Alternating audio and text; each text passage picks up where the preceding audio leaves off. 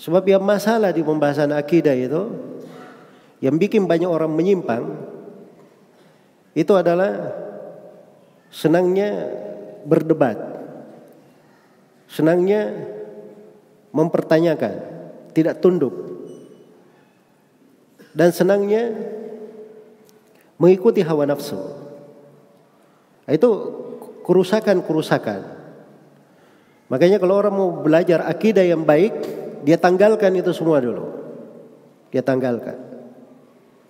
Dia mulai dari tiga makna yang disebut oleh Imam Kutaybah di sini. Sebab ini pijakan hati. Agar seorang itu punya pijakan bisa menerima akidah yang benar. Bisa menerima akidah yang benar. Iya. Jelas ya?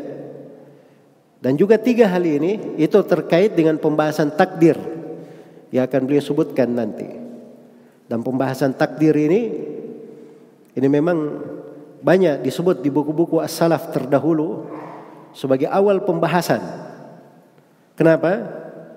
Sebab penyimpangan di pembahasan akidah yang paling pertama terjadi itu adalah kesesatan di pembahasan takdir. Itu penyimpangan pertama. Di pendapat sejumlah ulama.